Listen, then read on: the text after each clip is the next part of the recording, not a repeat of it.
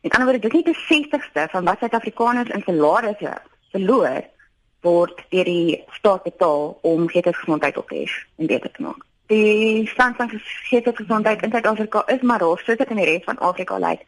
Ons wil die staat ooreed en beleidsmakers ooreed om meer geld in geestesgesondheidsorg in te sit sodat die mense wat tans nie werk nie as gevolg van hulle geestesongesteldheid kan terugkeer en ekonomies aktief word en so die land se ekonomie ook ophef.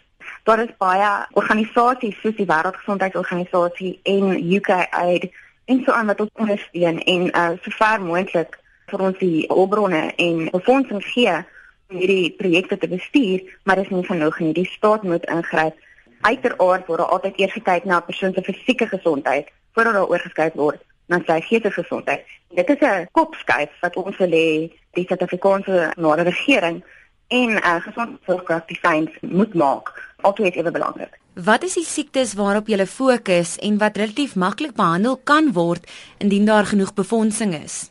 Weet jy in Suid-Afrika spesifiek en in baie ander lae-inkomste lande, kyk Brian spesifiek na vier. Die eerste ene is alkoholisme.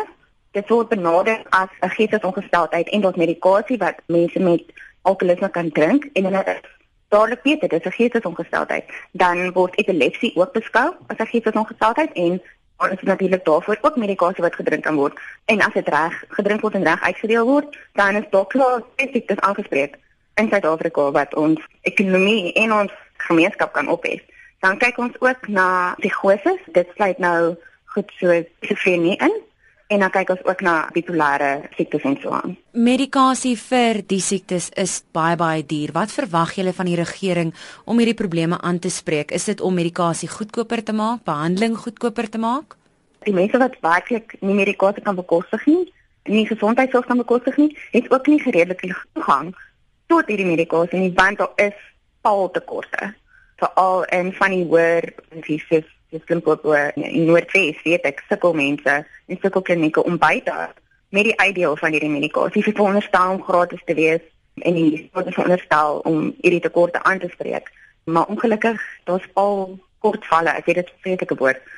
So dit is nie bekostigbaar vir alle Suid-Afrikaners nie. As jy gelukkig genoeg is om 'n mediese fonds te hê, dalk die mediese fonds gewoonlik hierdie die medikasie as kronies.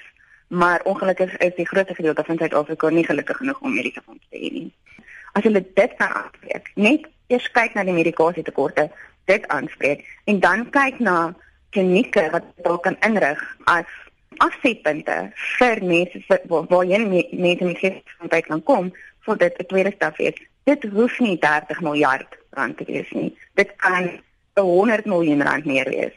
Dit kan 20 miljoen rand meer wees. Enige iets wat die staat kan insit en reg gebruik, kan Suid-Afrikaners van alle agtergronde so baie help.